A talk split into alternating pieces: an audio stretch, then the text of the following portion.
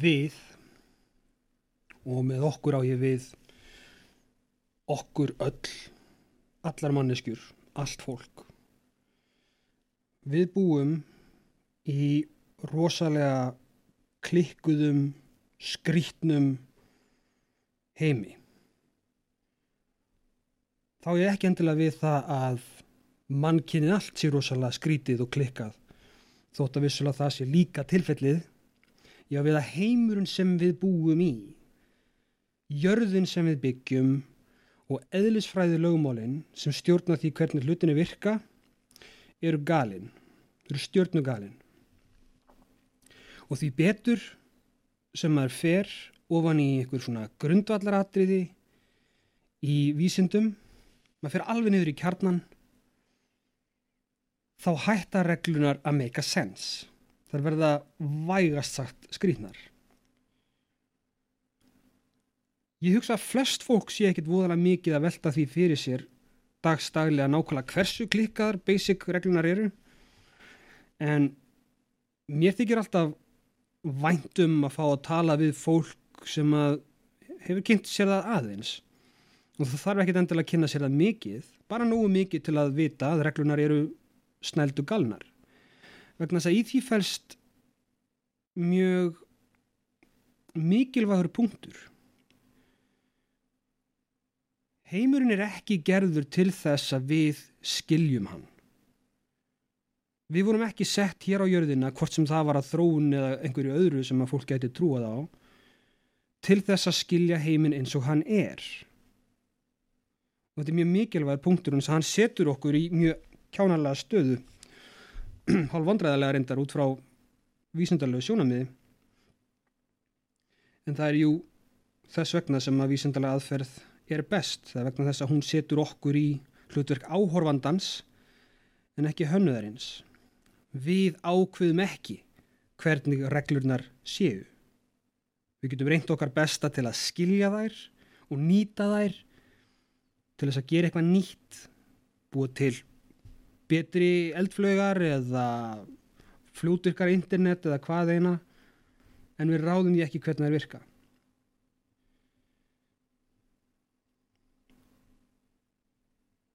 Það er önnur mjög mikilvæg afleðing af því átt að sjá því að heimilin sé skrítin og hann er sá að við þurfum að vera viðbúin því að lesa eitthvað eða reyna að skilja eitthvað eða reyna að trúa einhverju sem í fyrstu og jáfnvel mjög lengi virðist vera bull virðist vera þvæla. Og ég segi stundum um, um skamtafræðina og, og skrítnu lögmálinn þar.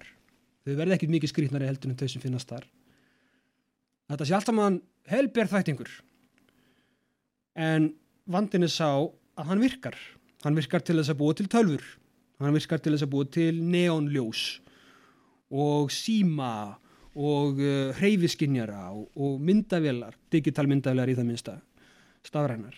Og basically allt svona sem að manni finnst vera hálf galdralegt við nútíma tekni, allt sem að mann myndi senda kannski 200 ára aftur í tíman og fólk myndi raunverulega trúa að væru galdrar mest af þessu er tilkomið vegna þess að við skiljum núna eða getum allavega formgert og leikið okkur með og notað lögmál sem eru algjörlega patently fáránleg algjörlega fáránleg og ég vísa bara á interneti góða ef fólk trúi mér ekki með það. Fletti bara upp skamtafræði eða á ennsku quantum mechanics eða quantum physics. Er enda rosa mikið að bulli í kringum það líka eðlilega vegna þess að þegar eitthvað er erfitt að, að skilja þá er auðvelt að bulla í kringum það og fullt af fólki hikar ekki við að nýta tækifæri til að bulla hvena sem það vil hvena sem það getur.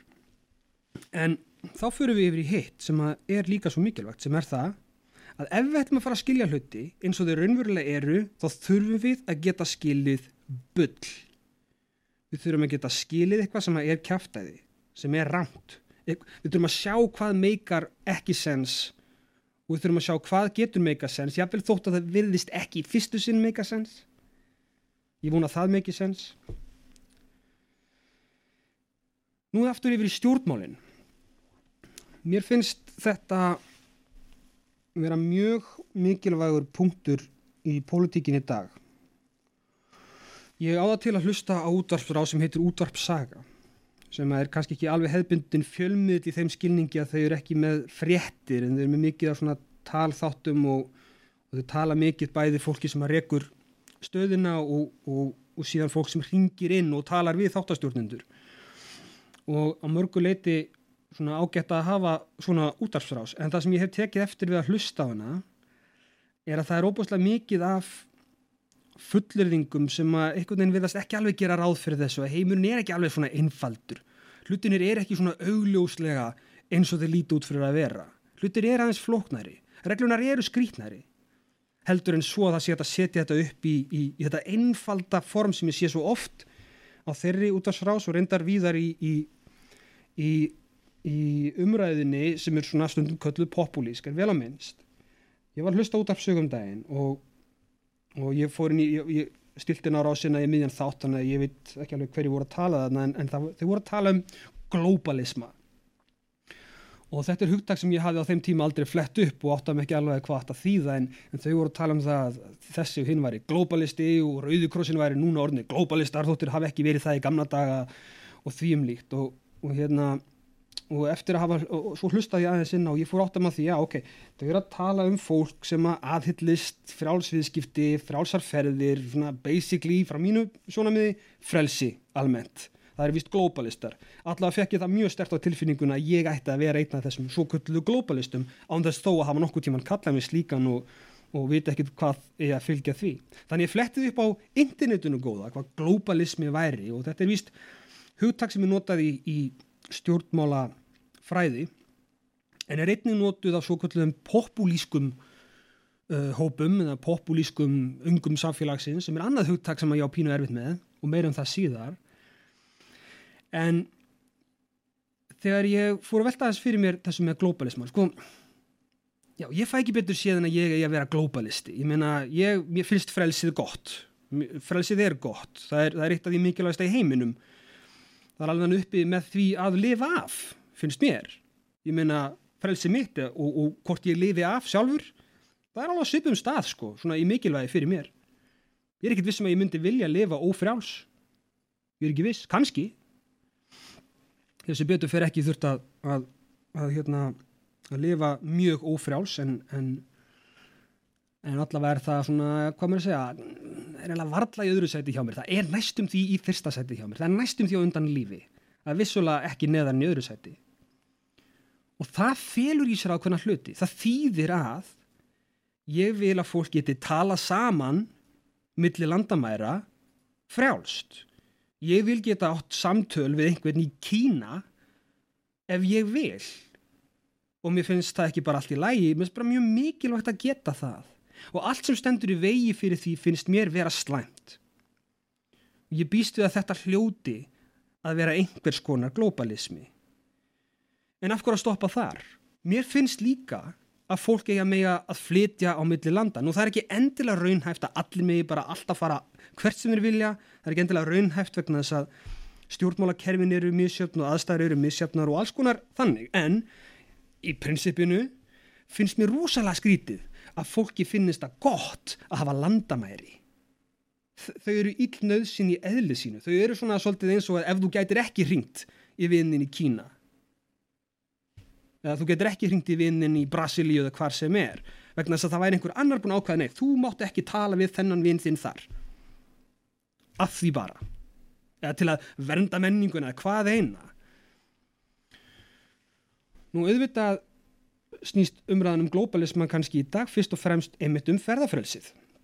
Vegna þess að það er jú um, það er jú hérna farenda krísa í Evrópu og, og, og víðar og fólk að ferðast mjög mikið núna kannski ekki vegna þess að það vill það heldur vegna þess að þarf þess. Og svo sínist, sínu, sínist uh, hverjum sitt um það. En mér finnst ránt að taka ferðafrelsið eins og það sé einhvern veginn í eðli sínu slæmt uppnefna alla glóbalista sem aðhyllast frelsi yfir höfuð og lóta þar við setja en hérna komum við einmitt inn á það sem við erum að tala um áðan. Ég skil þetta ekki alveg. Ég skil ekki alveg hvernig fólki getur fundist þetta. Hvernig getur þér fundist einhverjum þannig úti að maður er ekki geta að tala við þann sem mann sínist hvernig getur þið fundist að maður er ekki að geta ferðast þangað sem manni sínist nema af eitthvað svona praktiskum nöðsynja ástæðum sem eru margar og ég get alveg skilið en, en þær eru illar nöðsynjar heimur nætti samt að vera sem fyrir allsastur er það ekki? Í mínum skilningi eða mínum takmarkaða skilning, skilningi á hugdækinu þá hlýtur það að vera globalismi þannig að ég gerði það sem að ég gerir stundum þegar ég skil ekki eitthvað. Ég fór að pæla í því, fór að pæla eins meira í því. Og ég ég held að ég ég er með svona tilgáttum, svona hugmynd. Ég get ekki talað fyrir þetta fólk sem að hvers orðræðu ég er að gaggrina en ég held að þegar þetta ágæta fólk sem að stundum er kallað populistar mér um það síðan eins og ég sagði þegar það segir globalismi þá er það ekki endilega að tala um alþjóða hyggju eins og ég skil hana eða frelsi eins og ég skil það heldur heims yfirráð endir þjóðríkisins sem hluta af því markmiði. Að einhver starf sé hópur af fólki lítill hópur, vænti ég sem vilji taka yfir allan heiminn og á fyrsta skrifið þar sé að samin allan heiminn í einhvers konar eitt land, eitt ríki væntalega með einum leiðtoga og öllu því, öllum þeim djas og ef ég sett málið upp þannig, þá skilja þess betur hvernig einhver geti verið hrættur við það. Sjálfsagt var ég einhver tíma hrættur við það sjálfur en aftur, heimurinn er ekki þetta einfaldur og fólk er ekki svona samtaka. Uh, Putin og Trump eru kannski rosa góður vinir en almennt þá eru Rúsland og Bandaríkin ekki að fara að verða sammála um það hvernig að stjórna heiminum. Með öðrum orðum, það er fullt af samkeppni í þeim bransa og það er, en, það er engin það er engin samhugur um það hvernig ætti að stjórna öllum heiminum. Það er engin samhugur um það nú ef það myndi mynda samhugur um það hvernig myndu við vilja sjá þann samhug? Væntanlega ef við hérna í hennu svokallaða vestri það er að segja í frálslindum líðræðisríkjum eins og þau eru stundum líka kölluð sem er reyndar mísjaflega frálslind og mísjaflega líðræðislega og mísjaflega vestran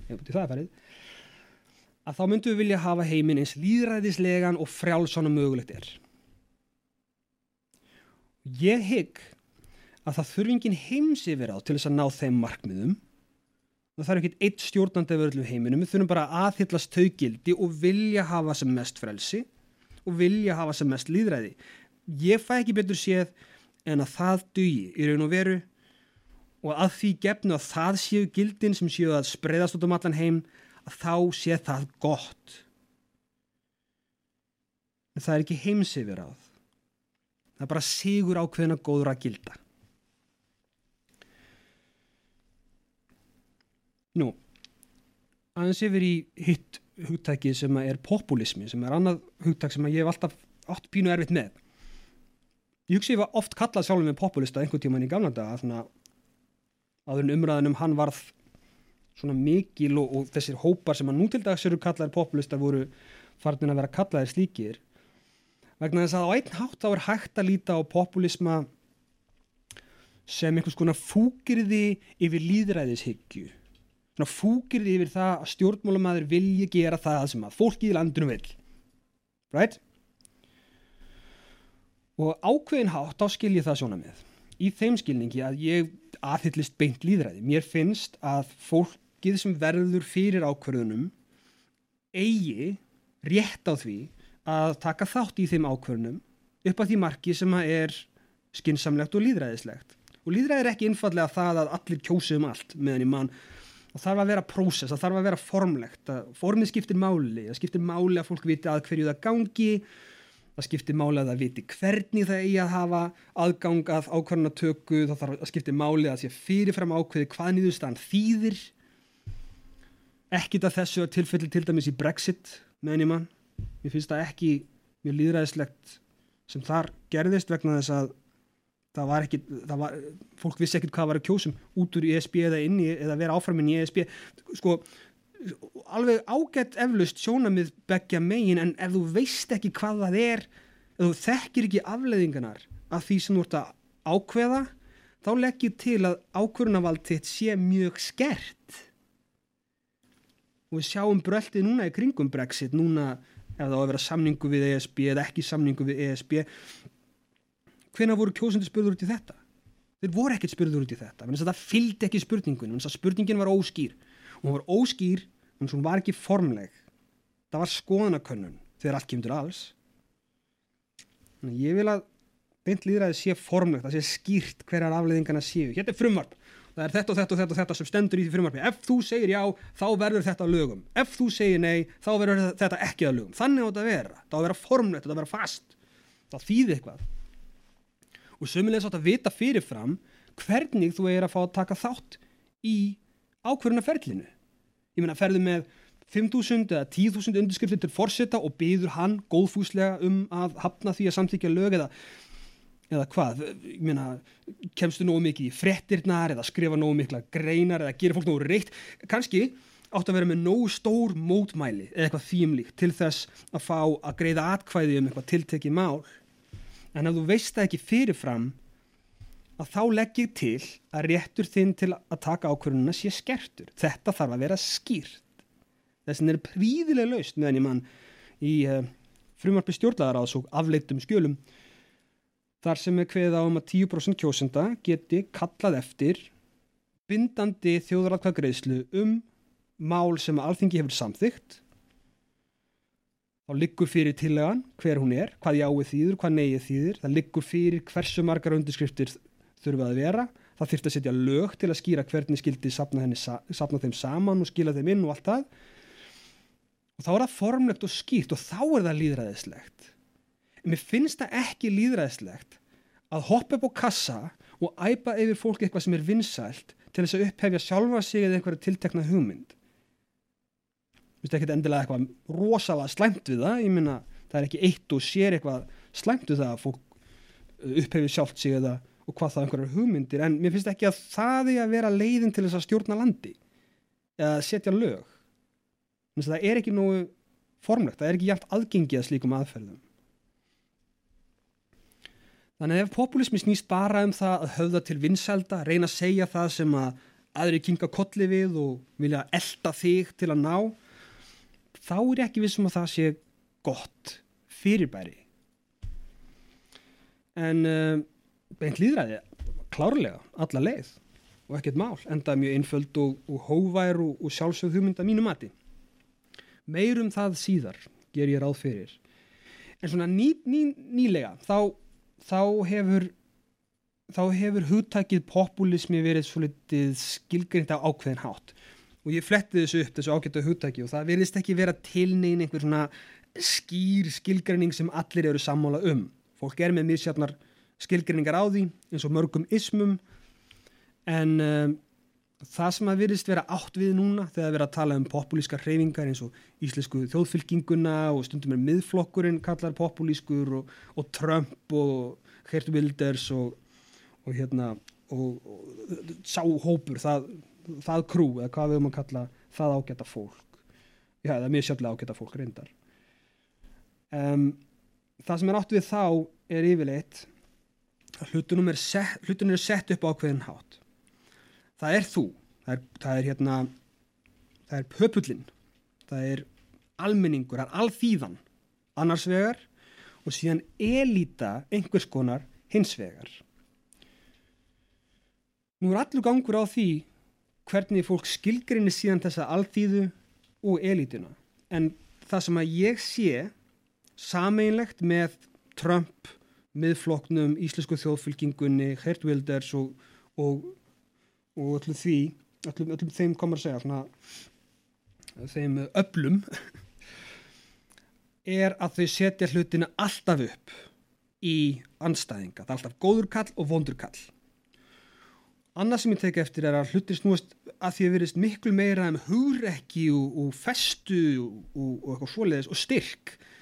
Miklu frekar heldur en það að kannski hafa rétt fyrir sér eða uh, presentera staðrindina rétt eða eitthvað þýmlíkt svona það er alveg sérstaklega mikill skortur á akademískri nálgun í allir þeirri pólitík finnst mér. Reyndar, það finnst mér oft vera bara beinunis andstig á akademískri hugsun innan þessara sumra þessara hreyfinga, þetta er náttúrulega ekki allt eins. Ég minna, miðflokkurinn er ekki alveg Donald Trump sko.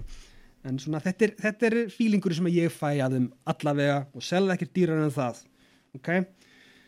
En um, það er samt alveg hluti af stjórnmálum eins og við höfum þekkt þau í raun og veru alltaf. Það hefur aldrei verið mjög akademísk nálgun gagvart stjórnmálum. Það hefur alltaf verið eitthvað neins svona þannig að stóri sterkir kallin hann fer upp á kassa og hann segir ég þól ekki hvernig það fari illa með ykkur. Og ég get bjargað ykkur. Þið getið ekki þess að það er elítan þann úti það er bonda fólkið. Og það er að kúa ykkur. En ég hef hugrekkið og ég hef styrkin til þess að klástu þessa elítu fyrir ykkur alþýðina þetta er náttúrulega klassísk svona ræða í stjórnbálasögunni gerir ráð fyrir og er hægt að líta ansi mikið bæði til vinstri og hægri þegar kemur að því og miðjunar reyndar ef út í það er farið en ég held ekki að þetta sé einskorað við hægri eða vinstri eða miðjuna eða einu sinni fólk sem hafnar skalanum ég held bara að þetta sé eitthvað sem er kannski óhjákvæmulega hluti af pólitík en mér finnst ekki mig að vera of mikið af þessu Pólitík má ekki fara að snúast bara um þetta í það minnsta. Líðræðið sem er hugssjón fyrir mér snýst ekki um þetta að finna einhvern ofbúslega sterkan og hugrakan leiðtoga sem ætlar að hjálpa mér að sigrast á ofinnum mínum. Það, mér, það er ekki það sem ég hugsa þegar ég hugsa um líðræði. Þegar ég hugsa um líðræðis hugsununa þá hugsa ég með mér vel raukstuttar, vel rannsakaðar ákvarðanir sem eru teknar yfirvegað af fullta fólki sem nýtir hvort annað til þess að komast að réttri er svona allavega sem réttastri niðurstöðu. Og auðvitað er ekkit alltaf rétt að raung niðurstöða en það er hægt að reyna að búti ferli sem að nálgast hann allavega meira en aðrar. Og það er alltaf leðtógan gegn elitunni sé ég ekki sem neina lausn á því. Ég fatta ekki hvernig það kerfi, ef við komum að kalla það það á einhvern veginn að leiða samfélag í betri átt þá eru komið sterka hugrakka leðtóðan, svo er hann orðið leðtóður, ok, það er búið að sparka út elitinu og hvað svo? Nú allar góðu hugmyndinar hans, auðvitað. Og hver er þá orðin og elitan? Hæ?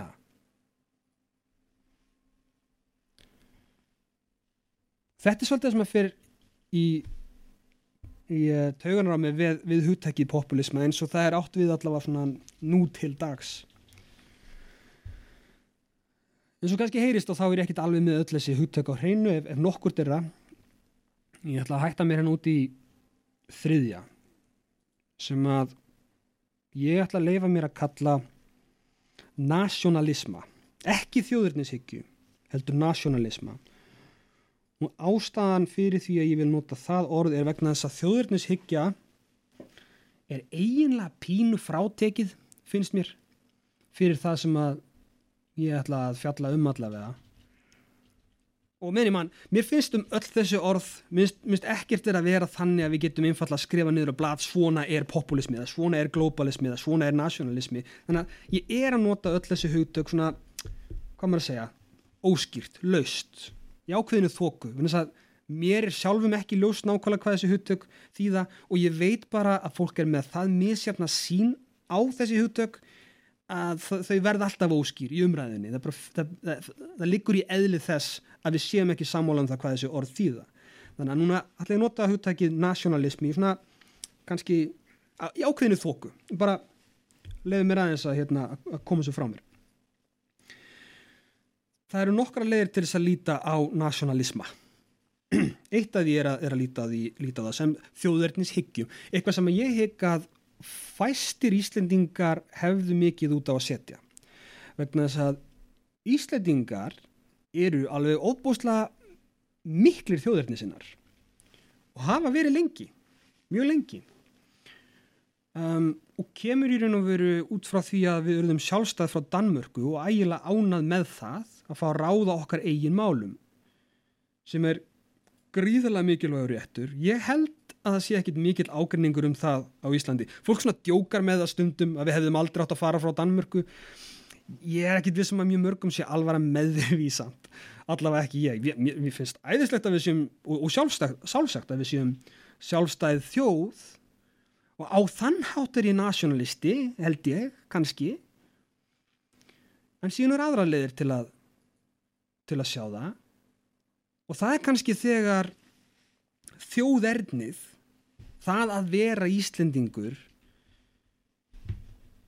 er farið að skipta meira máli heldur en einhver önnur svona grunn gildi eins og til dæmis frelsi eða líf eða líðræði og mér finnst alveg þess virðið að velta fyrir sér. Ef, ef við fengjum valið þetta er, kaltaðin í þessari spurningu en ef við fengjum valið um að vera sjálfstætt ríki en ófrjálst. Eða ósjálfstætt ríki og frjálst. Hvort myndi fólk velja? Hvað myndi íslenska þjóðin velja? Og viti hvað? Ég er ekki alveg viss. Ég hugsa það færi eftir því hvaða frelsi við verum að tala um. Íslendingar að mínum að þið eru almennt ekkert voða mikið fyrir frelsi. Þeir svona umbyrða uh, láta sig hafa það að fólk sé frjáls til að gera hluti sem að flestum finnst í lægi það er eiginlega þannig. Meira að segja samkynnið og kvennréttindu er einhvern veginn svona réttindi sem komur fram þegar samfélagið var búið að svona, velta sér voðalega mikið fyrir sér og, og leggja allt niður á borðin og, og svona, og, svona einhvern veginn góðfúslega samþykja það að samfélagið skildi nú umbera það að samkynniðir skildu vera hluti af þessu samfélagi líka og konur. Og þetta ímislegt eftir í þeirri baráttu eins og allt fólk veit sem að hefur eitthvað komið náldinni en uh, en uh, það sko þegar maður hugsa um þjóðurnis hyggju á borð við það sem að kannski uh, gerðist á fyrir hluta 20. aldar í Þískalandi ekki endilega það sem flestir íslendingar myndu kenna sig við eða kæra sig um að vera kendir við eðlilega en það var klárlega þjóðurnishyggja það var klá, klárlega nationalismi í sinni grófustu og, og myrkustu mynd. Ég hugsa svona það skásta sem við höfum hérna á Íslandi til þess að lýsa rótunum eða segja, grunnun, grunnunum að slíkum nationalisma er stundum kallað þjóðremba sem er kannski á einn hátt einhvers konar fúkirði yfir þjóðurnishyggju, það má vera en þjóðremba er svona er, fólk svona gerir mikið úr því ég er ístötingur og er þess að mikilvægur og merkilegur en einhver annar. Og um, minnst það ekki mjög harkalegt orð minnst það virka svona svo karlremba eða kvennremba þetta er svona, ég veit það ekki maður myndi ekkit endilega nenna að, að hérna útúða einhverjum sem að sínir þjóðrembu á ofinbjörnum vettvangi þetta er svona löstur löstur myndi ég segja, frekar heldur en heldur en einhver, einhver ægileg synd sko. Með er svona kannski svo kjánaskapur eða frekja maður nennir ekki að eða svakalega púður í að díla við freki og kjánaskapi fólki eða þjóðrömbur, það er alltaf lægi að fólk síðu smá þjóðrömbur, það er alltaf lægi, skiljur en það er náttúrulega ekki lægi þegar nationalismin hvort sem við köllum það þjóðurnishyggju eða þjóðrömbu er farin að ganga á grundvallar réttindin sem við ættum öll líka að vera samála um hvað hvort þau eru fólki. Og svona ef það er einhverjir sjálfstillaðir nationalistar eða sjálfstillaðar þjóðrembur að hlusta þá þá finnst mér líklegt að þið á geta fólk hafið verið kallað rasistar einhver tíman og rasismi er líka svona hugtak sem er eins og eiginlega allir, allir ismar. Erfitt einhvern veginn að að segja nákvæmlega hvað það sé. Fólki er ekkert sammála um nákvæmlega hvað það sé eins og ætti að vera skýrt af umræðinni verðin góður. En uh, mér finnst við aðeins þurfa að tala um rasisma ekki endilega vegna þess að það sé svo mikið kynþáttahatur í sjálfu sér á Íslandi í svona þeim algjörlega klifta og skortna skilningi. Vandin er þessi. Ef við spyrjum okkur að því og núna, núna liggur á að skoða crazy hugmyndir, ok spyrjum okkur aðeins að því hvað nákvæmlega er það sem við höfum að móti rasisma, þú veist, klifta og skortna hugtækinu, bara það hvítur maður hati svartan mann eða svartur maður hati hvítan mann. Veist, hvað er það við þetta sem okkur finnst ránt það er eitthvað sem okkur finnst flestum og næstum í öllum ránt sem gerir það að verkum að fólk sem er oft kallað rasistar þóla það ekki Þau hata það. Þau þóla ekki að vera kölluð rasistar. Af hverju ekki? Og ég er með nokkra tilugur. Ég held að það sé vegna þess að þegar við segjum rasismi þá hugsa fólk sjálfkvæm kynþátt og ég held reyndar að það hugsi sérstaklega um litarhátt, húðlit, hreinlega. Og fólk veit að annað fólk getur ekkit að því gert að vera svona eða hins inn á litin. Mar, maður fæðist bara með einhvern lit og þú ert bara með hann nema tilkom einhverju húðsjúkdómar sem maður heldur ekki fá. Þannig að um, fólk er til í að fyrirgefa það í ákveðnum skilningi og það er til í að svona umbera það að einhver get ekki að því gert að vera einhvern veginn öðruvís á litin eða að vera einhvern veginn um, vera einhverjum öðrum kynþætti. Ég held að flesti skilji þetta og ég held að þetta sé ástæðan fyrir því að fólk sem er kallað rasistar þólur ekki að vera kallað rasistar. En það sem er raunverulega að rasisma er ekki það að einn sé bleikur og hinn sé brún það sem er aðvið rasisma er að hann tekur af fólki einstaklingin í sér.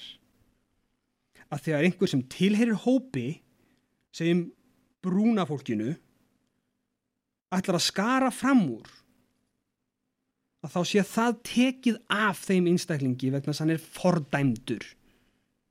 Það er ákveðið fyrirfram að þessi einstaklingur hann geti ekki orðið lögfræðingur eða læknir eða stjórnmálumæður vegna þess að hann er brún og hann getur náttúrulega ekki verið eitthvað annað heldur um brút þannig að svo sem að ætla, ætla fólki að umbera það svo sem að brútmaður verði lögfræðingur eða, eða leknir eða stjórnmálamaður en það sem er vondið rasisma er það að við tökum af fólki réttin til þess að skína á sínum eigin forsendum. Þetta er raun og veru ákveðin tegund af einstaklingshyggju myndi ég halda, svona frjálshyggju tegund í, í antirasismanum allavega eins og ég skilan og er antirasisti vegna þess að mér finnst grundvallaratriði í mannlegu samfélagi að við leifum öllum að, að, að skína á sínum einn forsendum. Nú, stundum er sagt af fólki sem er kallað rasistar að þetta sé ekki rasismi, þetta sé staðreindir. Hér er tölfræði, gerðu svo vel. Tölfræði að múslimar eru svona hins einn og gýðingar eru svona hins einn og eitthvað svona. Veist, það, alltaf þegar samfélög hafa einhvern veginn skipt fólki niður í hópa þá hefur verið einhver tölfræðilegur munur á þeim hópum og það er óhjákvæmilegt vegna þess að fólki er í greina mun á þessum hópum. Þannig að segjum sem dæmi svona mjög skýrt dæmi sem að sést mikið í bandaríkjunum að, að brúna fólki það býr í hverfum þar sem er, eru eiturefni í veggjunum og lélegir skólar og léleg heilbyrðistjónusta og fá tækifæri. Á meðan ljóslitaða fólki það er í góðum hverjum það sem er ekki eiturefni í veggjunum og það fær lán fyrir húsinu sínu góð lán en ekki vond lán eins og hinnum einn það kemst í almennilega skóla á því þá auðvitað sérðu tölfræðlan mun á þessum hópum.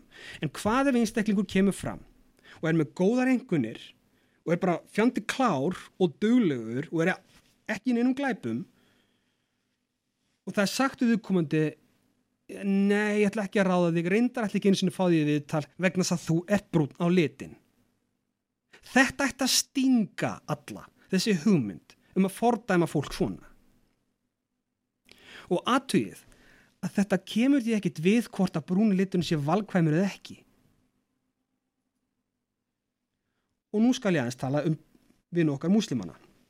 Vegna þess að þegar umræðanum þetta kemur hérna á Íslandi einhverju kallaður rasisti og viðkomandi segir nei þetta er ekki rasismi, þetta eru trúabröð það er ekki kynþáttur, ok, allt í lagi. Veistu hvað, flott. Svona alveg laga tæknilega séð skilji hvað það við. En þú ert að fremja sama glæpin þú ert að fremja sömu syndina. Þú ert að dæmi eitthvað fyrirfram fyrir eitt enginni sem kemur þeim ekkit við sem þú ert að leita að. Og við höfum einfallega ekkert betra orð í íslensku máli til að lýsa þessari hegðun heldur en rasisma og þess vegna ertu kallaður rasisti. Þóttu sért ekki strangtiltekið að forminu til að tala um kynþátt eða letarhátt þá er það að gera það sama og okkur öllum finnst rámt við rasisma.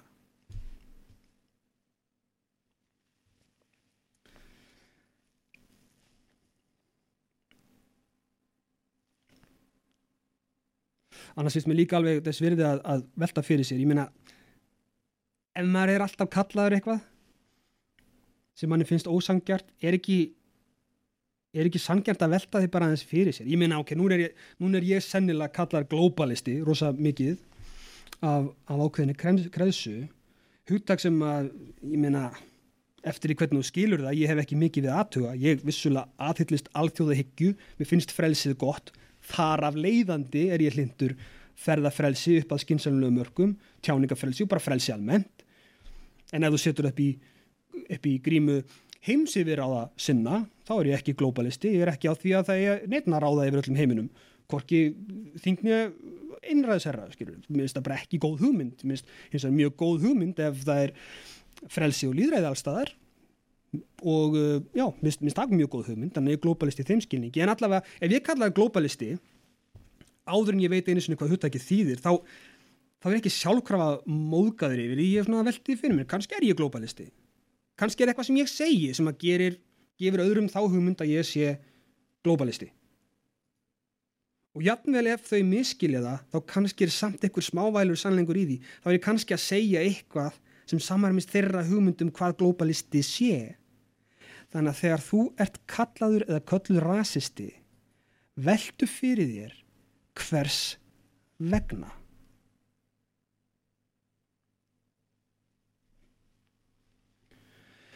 Ég ætla aftur alveg yfir í byrjunina. Það er mjög auðvelt að taka öll þessi hugtök og einfallega setja því upp í eitthvað svona skýrar skilgreiningar, eitthvað sem ég ákveð bara. Ég get alveg skrifað niður svona hvað mér finnst vera rasismi hvað mér finnst vera populismi og svo get ég alveg tekið mig til og, og bölvað öllum öðrum sem mér finnst vera rasistar eða populistar eða hvað sem er en eftir stendur að við erum ekki alveg sammála um öll þessi hugtök. Og það eitt og sér gerir þau óskýr í eðli sínu. Því orð þýða ekki neitt nema það sem við erum sammála um þau þýði. Það er nú vandin við flest þessi isma orða. Það er ekki tilfellið þú þess að verða þau óskýr og henda mjög illa til tjáningar. Þannig að móti langar mig líka að segja við fólkið sem er mikið í því að kalla aðra rasista. Kannski ert ekki að koma skilabóðunum á framfæri ef sá sem les orðin þín skilur þau öðruvísi heldur en þú meinar þau þá getur verið betra að nota einhver önnur orð. Bara til þess að koma tjáningun á framfæri. Þetta er algjörlega praktísk atriði. Mér langaði að henda því út við tækifærið. En minni bara á það við búum í rosalega skrítnum heimi og það þarf svo sem ekki að fara út í skamtafræðina til þess. Mannfólk er mjög skrítið því betur sem að skoða það því skrítnana verður það eiginlega. Það er hægt að vera ítla við það. Það er hægt að vera vel við það líka. Mér er svona meinatriðum vel við það ekki alltaf verði að viðkynna en yfir leitt. Ég reyna að láta mig líða vel með það allavega hvað best ég get. En við verðum að taka það með inn í reikningin þegar við tölum við hvort annað og um hvort annað